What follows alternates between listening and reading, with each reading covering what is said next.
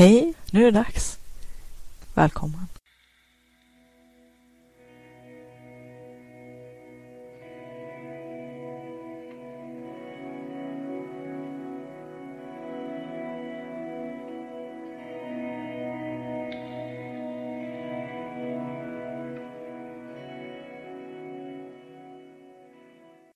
Vill du uppleva mera kreativitet och flow, få mer kvalitetstid till ditt skapande och kreativa liv, mer energi och lust, tillgång till dina kreativa superkrafter?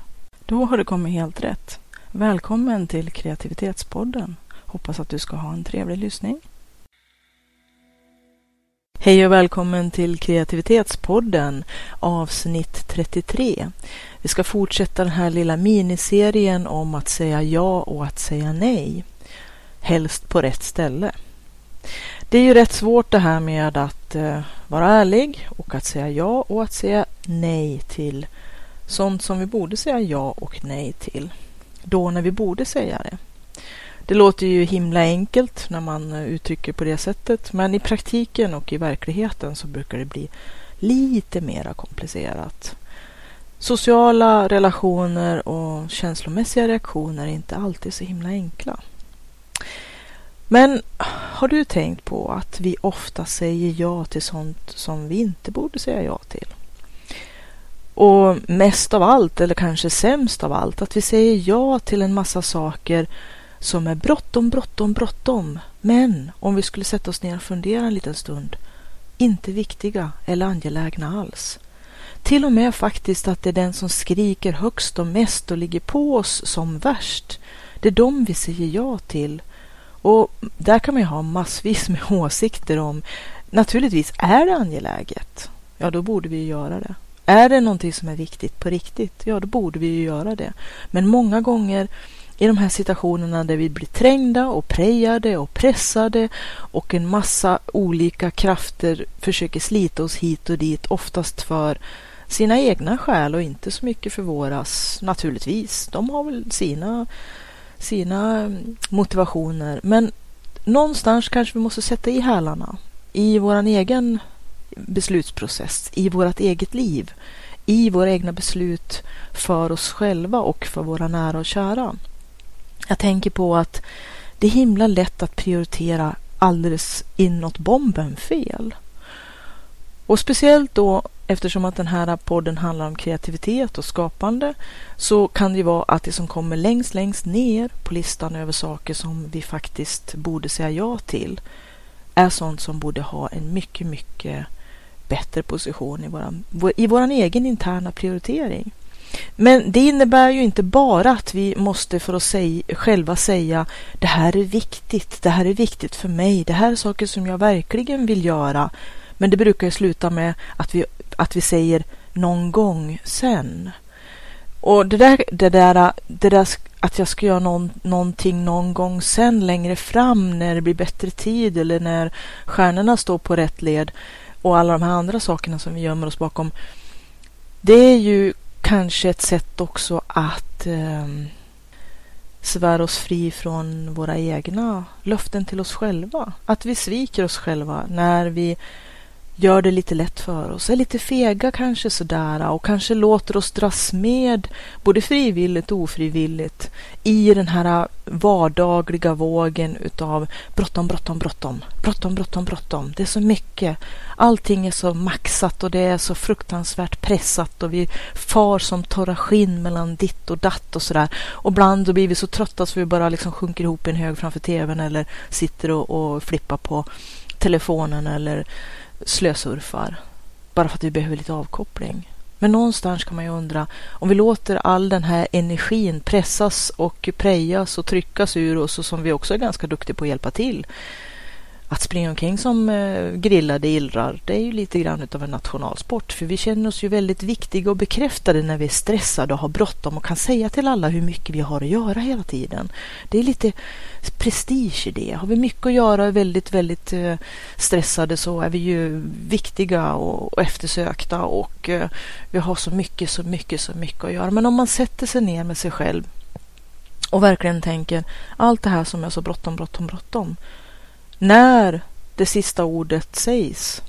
Nu vill man ju inte tänka på vad ens eftermäle ska bli när man ligger nedgrävd six feet under som de säger. Men i träfracken är vi ganska lika allihopa. Det är ganska demokratiskt.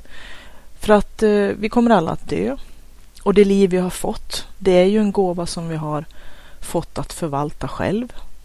Och vi kan eh, själva bestämma hur vi tycker att vårt liv bäst ska levas. Som vuxna har vi ju faktiskt rätt att bestämma det. Och då är ju frågan, när man verkligen sätter sig ner och eh, benar lite grann i hur man använder sin tid, hur man mår och hur man lägger upp saker och ting och vilka saker man låter sig dras in i eller pressas in i eller, eller vilka beslut man fattar om de saker som verkligen ska prioriteras och när de ska prioriteras, då kanske vi får en ganska obehaglig, eh, ett ganska obehagligt uppvaknande. Det kanske är dags för ett wake-up call. Vad håller vi på med egentligen? Kommer det här att leda till det som vi vill att vårt liv ska leda till? Det är så lätt att skjuta allting framför oss. Sen någon gång när jag får pengar, när jag blir rik, när jag har gått ner 10 kilo. Bara det här jobbet är klart, när det här projektet är färdigt, när ungarna är lite äldre, när det blir helg, när jag får semester. Någon gång när jag tjänar så mycket pengar att jag kan ta ledigt och vara tjänstledig i två månader, ett halvår eller ett år eller ta ett sabbatsår, resa jorden runt. Alla de här sakerna som vi hela tiden staplar upp. När, om, då ska jag. Men som en av mina lärare sa i högstadiet att om om fanns, då vore jag gubben i månen. Och det här har han ju förbannat rätt i faktiskt. Det sätter den på jorden direkt. Du är in charge. Det är du som styr din bil, ditt fordon. Sen kan du skylla från det och säga att du inte har fått de rätta förutsättningarna, att det är alla andra som inte förstår dig och att inte det är bla bla bla, bla bla bla, bla bla bla. Och det kan du fortsätta med. Det gör alla. Jag också. Vi gömmer oss bakom en massa saker. Nej, jag mår inte så bra idag. Imorgon blir en bättre dag. Och, Nej, men jag måste först uh, det och det och det och det. Men kanske mest av allt behöver vi sätta oss ibland med oss själva och ta det här hårda snacket. Vad vill jag? Vad håller jag på med? Och hur ska jag egentligen ta mig dit där mina drömmars mål finns? Och ibland kan det vara himla simpelt. Det handlar om två väldigt korta ord. Ja och nej. Och i praktiken är det mycket svårare än i teorin, för teorin är den att du säger ja där du ska säga ja och nej där du ska säga nej. Men eh, när ja och nej borde komma till skott, det är ju inte givet för alla har vi ju faktiskt helt olika personer och helt olika situationer och helt olika drömmar och mål och visioner vart vi är på väg och vad vi vill någonstans. Så det snacket måste du ta med dig själv. Men har du tänkt på en sak? Att vi har en tendens att säga ja till rysligt mycket som vi faktiskt borde säga nej till. Och att de sakerna som vi skulle säga ja till, som är de mest angelägna, som faktiskt innerst inne, längst inne i hjärteroten är de saker som vi utan att blinka skulle säga, det här är det viktigaste. Det här är det som finns i mitt hjärta. Men det är också det som är lättast att säga nej till. Det är lättare att säga nej till sin egen personliga utveckling och dras in i en massa sociala och andra arrangemang där andra vill en massa saker med oss men som inte kommer att föra oss ett enda steg längre på den vägen som vi i vårt hjärta verkligen drömmer och längtar och känner det är min väg. Det är dit jag ska, det är dit jag vill gå. Och vi säger att någon dag, någon gång så ska jag det. Men livet rullar på och vi alla drunknar eller dras in i grottekvarnen och den grå vardagen smalande. Och livet och verkligheten, absolut, den pågår. Och den måste man också hantera. Det är jag fullt medveten om. Men det handlar ju också en hel del om att faktiskt sätta sig ner, fatta sina beslut, prioritera det man vill prioritera. Och att prioritera det är ju att försumma saker i rätt ordning, som jag har sagt i tidigare avsnitt.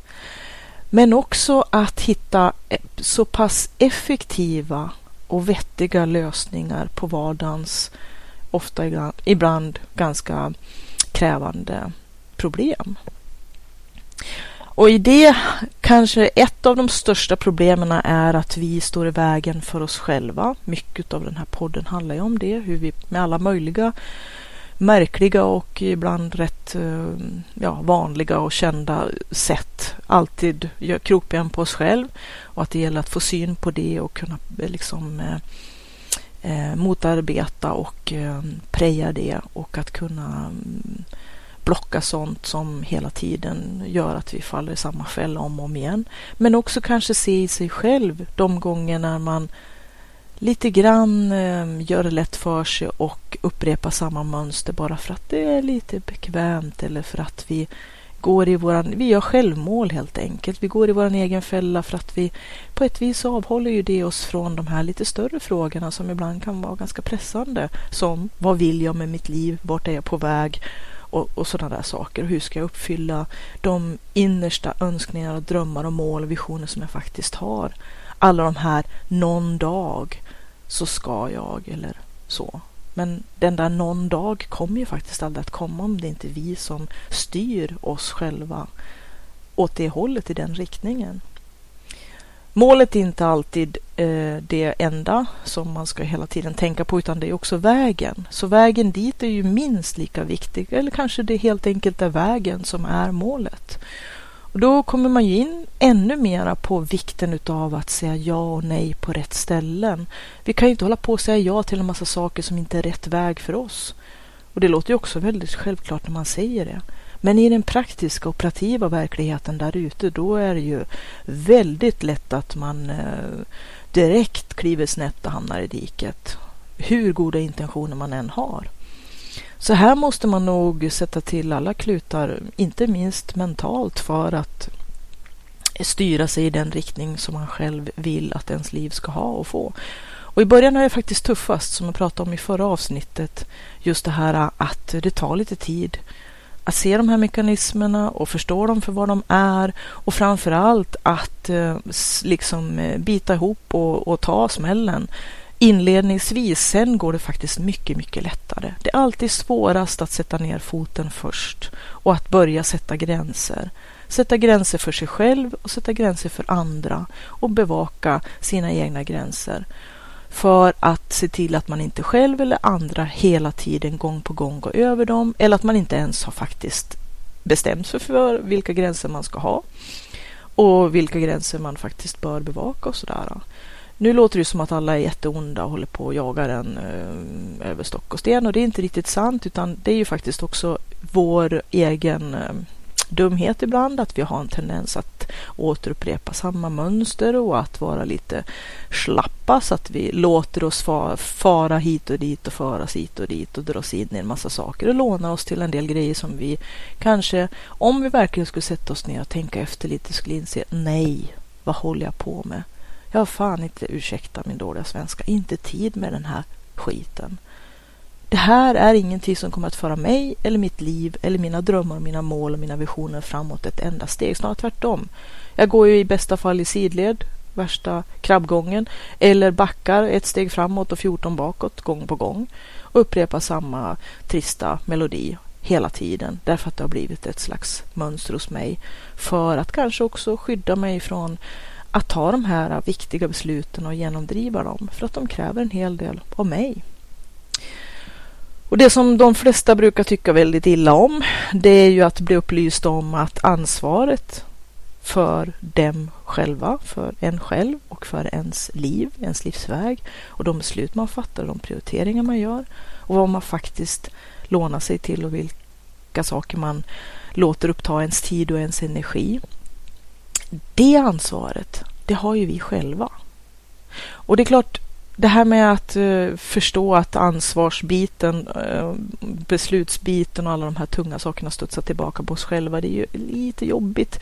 Vi vill ju gärna att det är någon annan som ska bestämma åt oss och driva saker åt oss och pusha oss och trycka oss framåt och både knuffa och sparka oss och, och bekräfta oss och belöna oss och stryka medhårs och klappa på axeln och hela det där. Och det är klart att hittar man, det är ju fantastiskt bra om man hittar mentorskap.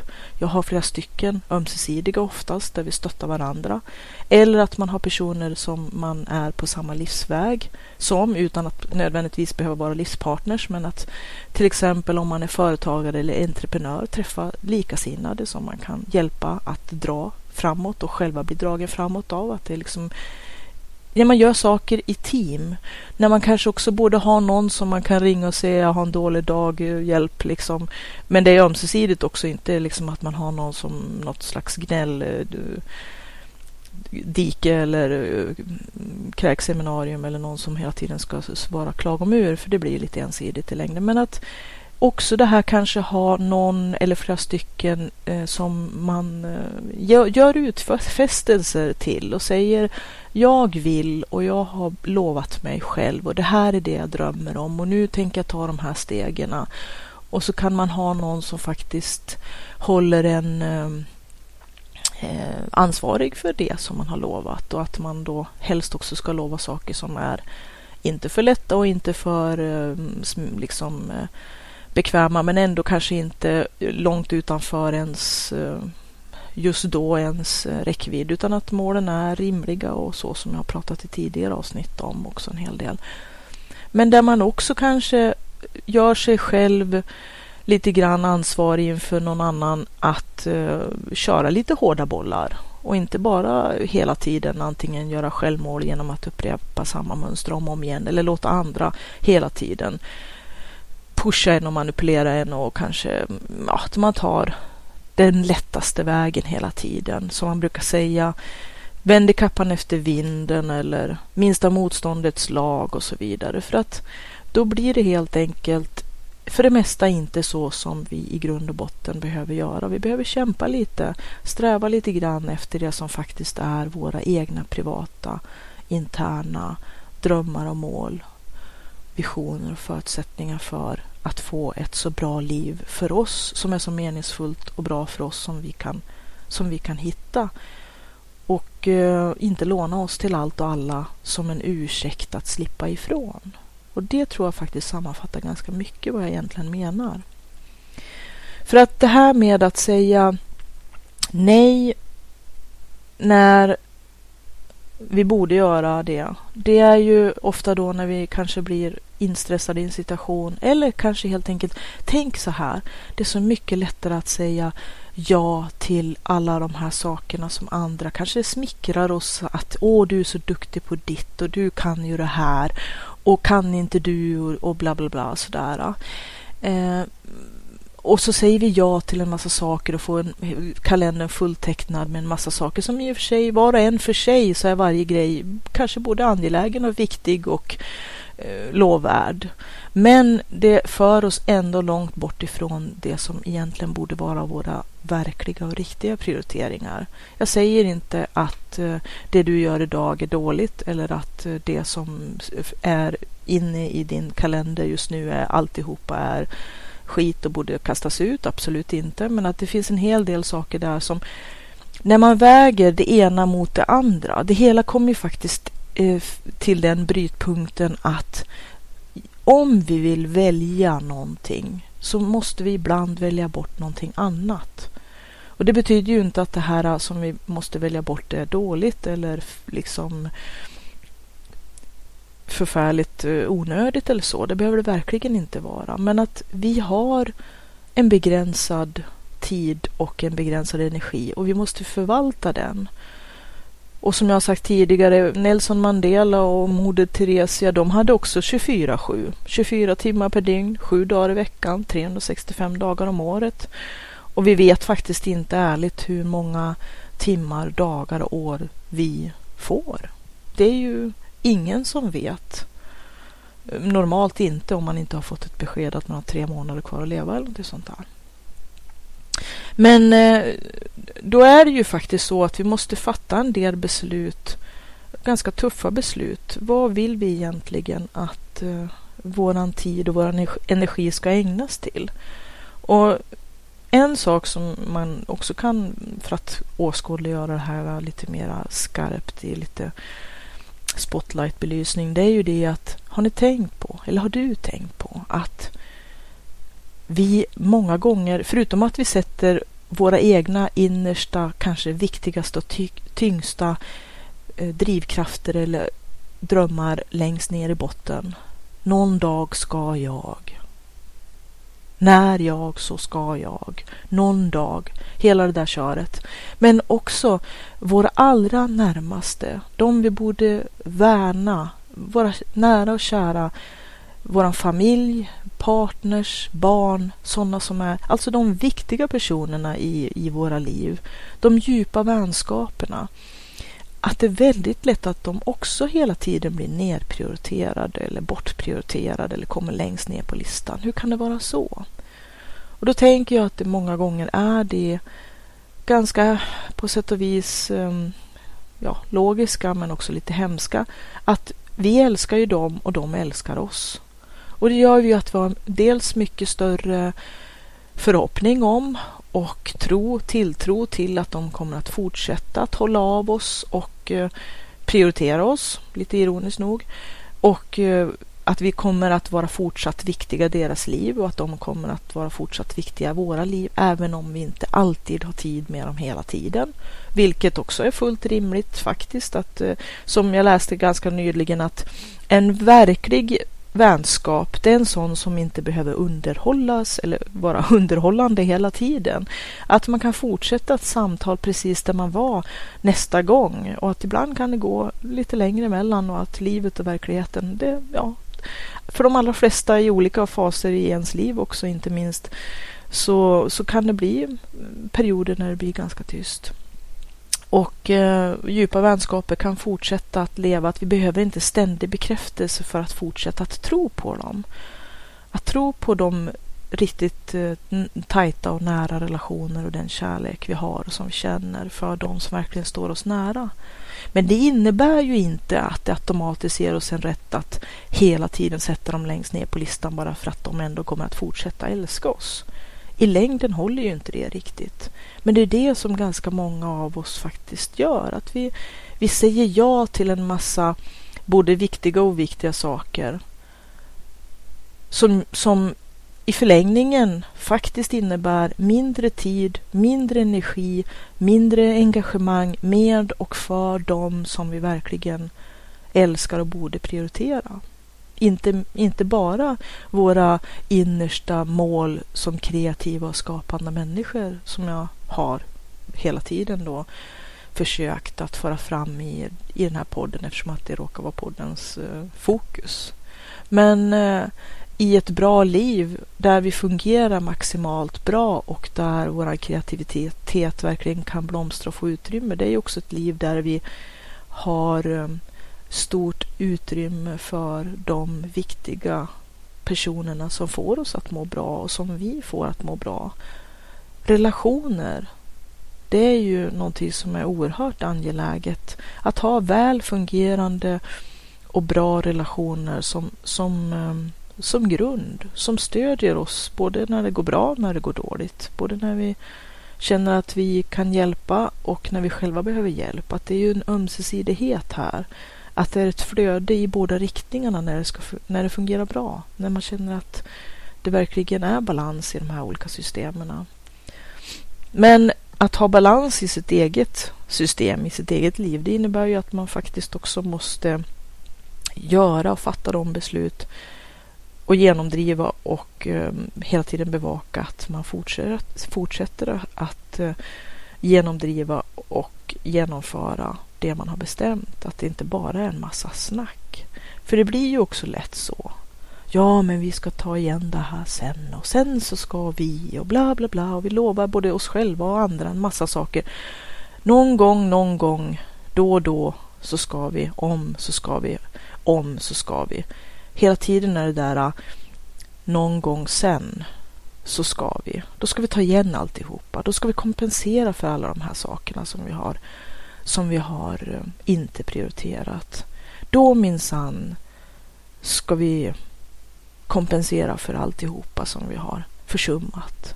Men den där dagen kommer ju aldrig att komma för faktiskt livet pågår här och nu. Och det är vad vi gör här och nu hela tiden i vår operativa verklighet varje dag som avgör hur, hur mycket de här utfästelserna eller de här drömmarna faktiskt kommer att förverkligas eller bli av. Det är himla surt att stå där efter när åren rullar på och man kommer på att allt det jag lovade eller tänkte eller drömde eller sa, det blev ju aldrig av. Jag, jag liksom bara fortsatte att skjuta allting framför mig för att någon gång, någon dag så skulle den dagen komma, men den kom aldrig. Jag hade fullt upp med en massa bullshit. Bullshit som jag kanske själv höll på med och prioriterade på något sjukt sätt för att jag just då kände att jag inte orkade ta besluten eller ville ha någon slags eh, dis, dis, distraktion eller eh, jag har ju pratat om det här med distraktioner och bedövning. Men också just det här att vi har en tendens att eh, genom att låta minsta motståndets lag och att vända kappan efter vinden hela tiden råda så blir det ju att vi blir ett rö för vinden. Och i längden så är det inte vi som styr som har roder, rodret i våran fasta hand och styr fordonet dit vi vill komma utan eh, vi far och kastas hit och dit utav en massa yttre omständigheter som vi sen tycker är väldigt lämpliga att både gömma sig bakom och att skylla på. Det är alltid skönt att ha någon att skylla på, som vi brukar säga i de här trakterna. Men eh, också just det här att vi eh, ja, vi duckar bakom en massa saker. Just då känns det väldigt som, jag orkar inte nu, jag har inte energi.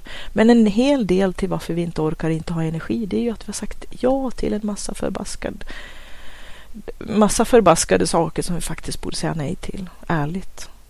Och jag har ju pratat tidigare i ett avsnitt om det här med att eh, sätta sig ner och fundera och eh, ärligt kanske föra en tidsdagbok ungefär som man gör med en kassabok under en mm, tid, en dag eller en vecka eller en månad. Se vad egentligen använder jag min tid till? Kolla kritiskt i sin kalender fundera lite grann om man kanske måste rensa lite i rabatterna när det gäller ens relationer. Att man kanske måste välja bort en del aktiviteter och en del hobbys och en del sysselsättningar som i och för sig var och en för sig är jätte härliga och bra på alla sätt och vis men att de också kanske tar bort en hel del av våran tid och våran energi och vårt fokus från det som borde vara eller är framförallt är mer angeläget om vi sätter oss ner och verkligen funderar. Ska hela tiden jobbet få vara ursäkten till att jag inte sköter mina relationer eller ägnar min tid åt nära och kära? Att jag alltid är utkörd, utpumpad och slutkörd? Att jag lånar mig till en massa saker? Och att jag liksom är offer för omständigheter. Att jag hela tiden måste en massa saker som jag säger till alla. Jag är så stressad. Jag är så himla upptagen.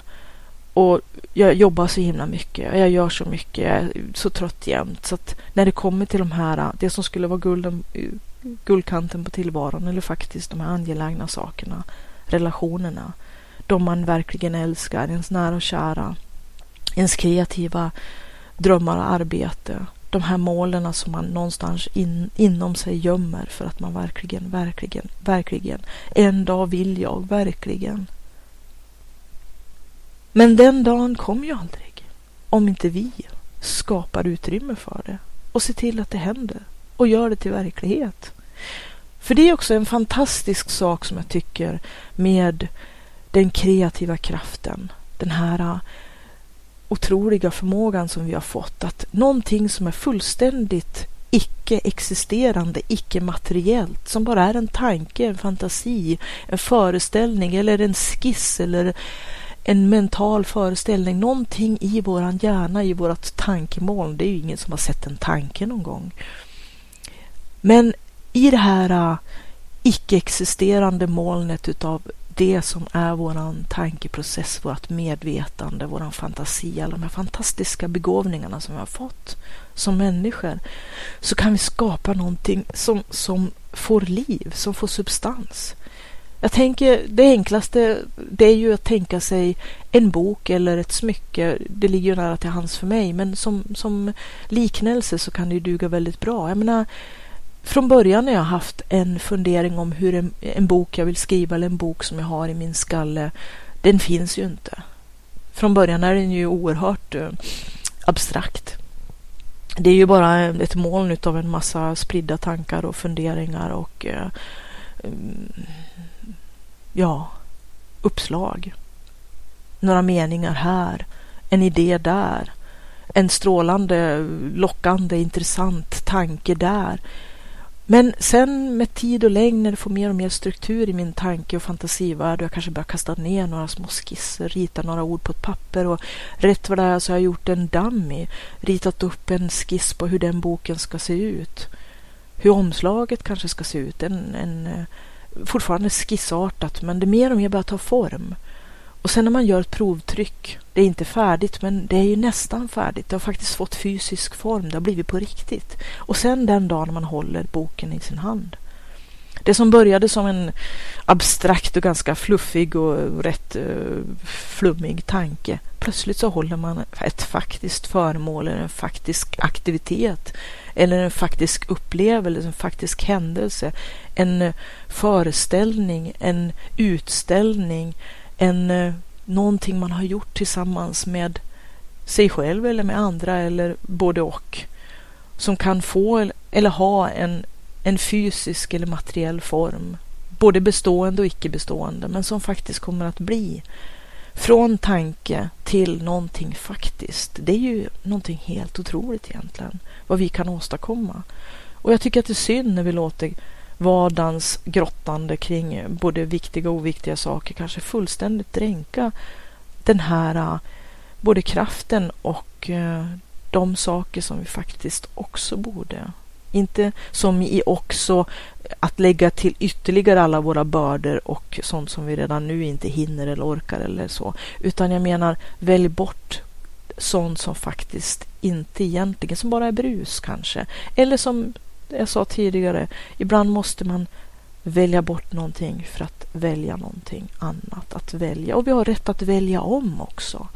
De val vi har gjort idag behöver ju inte styra de val vi gör imorgon. Eller som min man säger, vi ska inte låta våran historia styra eller bestämma våran framtid. Och det är ju en sån här sak som jag ofta tänker på när jag liksom kör fast i allt som jag kanske tycker mig ha byggt upp eller strukturer som jag känner borde fortgå eller vara kvar som de är. Att ibland kanske man måste ifrågasätta Ska jag verkligen fortsätta på den här vägen? Ska jag verkligen vidmakthålla och fortsätta de här strukturerna eller icke-strukturerna? Ibland kan det ju vara att vi har, upprätthåller ett kaos för att slippa tackla det här. Men att vi kanske ibland måste ifrågasätta också oss själva. Och då kommer man ju in på ett annat typ av både ja och nej.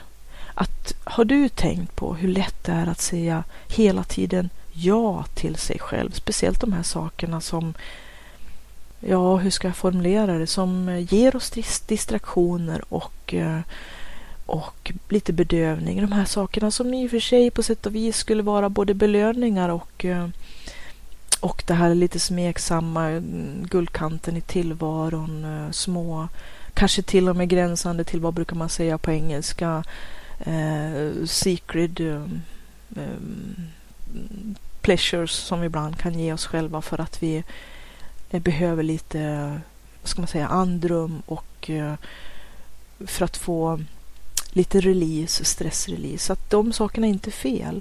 Men att vi har väldigt lätt för att hela tiden säga ja till de här sakerna. Belöna oss med snask, belöna oss med choklad eller tröstäta, det beror på hur man ser det. Belöna oss med den där cigaretten. Hela tiden sådana här saker som kanske i sig igen, som med de andra sakerna som jag har pratat om idag, i sig inte behöver vara någonting negativt eller fel, men när vi hela tiden upprepar samma mönster, att hela tiden låta oss få eller säga ja till oss själva med sådana saker som faktiskt vi borde säga nej till oss själva lite oftare. Säga nej till alla de här favoritsätten att distrahera oss, favoritsätten att slå ihjäl tid, favoritsätten att uh, sitta och slösurfa eller slappa eller sappa med tvn eller göra en massa saker som för stunden känns um, vilsamma eller att vi ventilerar vårt missnöje eller vårt illamående. Att istället för att fatta besluten som kommer att föra in oss på de saker som är meningsfulla och ger energi så har vi ju hela tiden sagt ja till en massa saker som bara suger energi ur oss på en, vilka plan och på vilka olika områden man nu än vill. Och sen måste vi kompensera genom att inte säga nej till oss själva på en rad områden där vi faktiskt borde göra det. Jag tänker bara på en sån simpel sak som det här med mat. Att vi skulle aldrig hälla fotogen i våran eh, bil. Vi skulle ju inte ens eh, hälla diesel i en eh, bensinare. Vi skulle helst av allt inte vilja hälla dålig bensin i våran bil som eh, får den att gå skruttigt. Och vi skulle definitivt inte försöka hälla i någonting i våran bils tank som bilar inte går på. Våra bilar har en ganska begränsad uh, smak vad det gäller fungerande bränsle. Och fungerar inte bränslet då går inte bilen. I bästa fall, i sämsta fall så skär motorblocket och man spräcker topplockspackningen eller whatever. Men konstigt nog så kan vi tycka att vi kan pumpa i våra kroppar vad skit som helst och de ska ändå fungera på något märkligt sätt. Och så tycker vi att det är jättemärkligt att vi mår skit fast vi har pumpat i dem eh, märkliga eh, kemikalier, märkliga energidrycker, pumpat i dem en jävla massa socker och inte gett dem ett spår av varken näring eller någonting som kroppen mår bra utav. Och det är klart att visst kan man både missköta och kanske försumma sin kost och sin, det man stoppar i sig. Men till slut, till syvende och sist, inte, din bil kommer inte att gå på dåligt bränsle och din kropp går inte heller på dåligt bränsle. Jag blir ju lite rädd när jag står bakom någon i kassakön och ser vad de har på bandet. Tre energidrycker och två chokladbitar. Det kanske jag hoppas att det inte är det som är deras dagliga kost, men många gånger när jag går i samma affär, samma lilla affär, handlar och ser ungefär samma typ av folk och ser ungefär vad de lägger på bandet. Jag är ingen ängel eller något helgon vad det gäller eh, kost eller eh, sötsaker och sånt. Jag har mina små synder, absolut. Nu lever jag med en vegetarian och det gör ju att jag faktiskt får chansen att äta en hel del vettiga saker som tur är också. Men jag kan ju också nu mer och mer faktiskt känna att när jag har tryckt i mig själv dåliga saker, lite för mycket socker, lite för lite faktisk näring, lite för lite av det bra bränsle jag behöver och att jag dricker för lite och rör mig för dåligt, då funkar ju faktiskt inte mitt maskineri särskilt bra. Och då kan det ju vara så här också att om man hela tiden har gått på jättedåligt bränsle eller haft väldigt dålig kost eller levt i sådana omständigheter eller miljöer eller sådana kulturer eller själv inte har styrt vad man stoppar i sig utan tryckt i sig en massa skit så kanske man aldrig har mått bra. Man kanske inte ens vet hur det känns att må bra så man har ingenting att jämföra med. Om man bara pumpat i, tryckt i sig energidrycker för att hålla ångan uppe. Och sen krascha varje kväll i tv-soffan så kanske det inte är så himla lätt att veta hur man egentligen skulle kunna må ifall att man faktiskt gav sin, sitt maskineri, sin inre, sitt inre fordon, om man nu vill göra en jämförelse med en bil, bra eller bättre bränsle, faktiskt vettigt bränsle på, på regelbundna tider. För jag menar, med en bil, eh, finns det inget i tanken som fungerar i motorn, eh, det är torrt i tanken, då kommer den inte gå en meter. Och så tycker vi det är jättekonstigt att vi inte orkar efter att den här värsta sockertoppen efter att vi har tryckt i oss någonting som, ja, som vi tryckte i oss för att vi hade dålig energi precis just då. Och tänkte, åh, jag måste ha någonting. Ge mig en kopp kaffe, ge mig en cigarett. Ge mig en energidryck och tryck i mig en chokladkaka. I 40 minuter så har jag ju en topp när jag springer omkring som en grillad diller och är alldeles stirrig och eh, hiphoppig och flipfloppig. Sen är ju frågan hur fokuserad den energin är och hur bra vi egentligen mår och hur effektivt vi egentligen gör det vi mm, hade tänkt eller är satt att göra eller ska göra. Och så sen är vi lite förvånade att det är så många som får ADHD och alla möjliga bokstavskombinationer och diagnoser. Nu för tiden verkar det vara en eh, slags eh, klåda. Att alla har vi ju tydligen någon slags diagnoshysteri just nu. Eh, men eh, i grund och botten kanske de allra flesta skulle börja från the basic först innan man mm, liksom så att säga börjar titta efter svårare eller djupare orsaker till att man inte mår bra. Vad stoppar vi i oss? Vad ger vi våran kropp för bränsle egentligen? Vilka förutsättningar i våran kalender och i vårt liv för att faktiskt kunna ha ett bra liv och att må bra? Ger vi oss själva? Och våra anhöriga och de runt omkring oss, nära och kära. Vad prioriterar vi? På vilket sätt försummar vi saker och hur länge gör vi det? där kanske vi måste sätta oss ner och tänka, jag måste säga ja till lite vettigare saker och säga nej till en hel del ovettiga, men också kanske sådana saker som, som jag hela tiden har sagt att ja, för att välja istället för att kanske bli utlånad eller låna, ut sig själv till en massa saker man egentligen inte vill. Eller för att ibland måste man välja bort för att välja några angelägna saker att verkligen prioritera. Tack för att du har lyssnat på den här podden. Hoppas den var till mycket nytta och glädje. Om du vill läsa mera om Siddharta, gå in på www.siddharta.se Z-I-D-D-H-A-R-T-A där finns också kontaktuppgifter så att du kan till exempel mejla om du har frågor eller kommentarer eller vill ta upp något ämne som du gärna vill höra på podden i framtiden. Välkommen att höra av dig.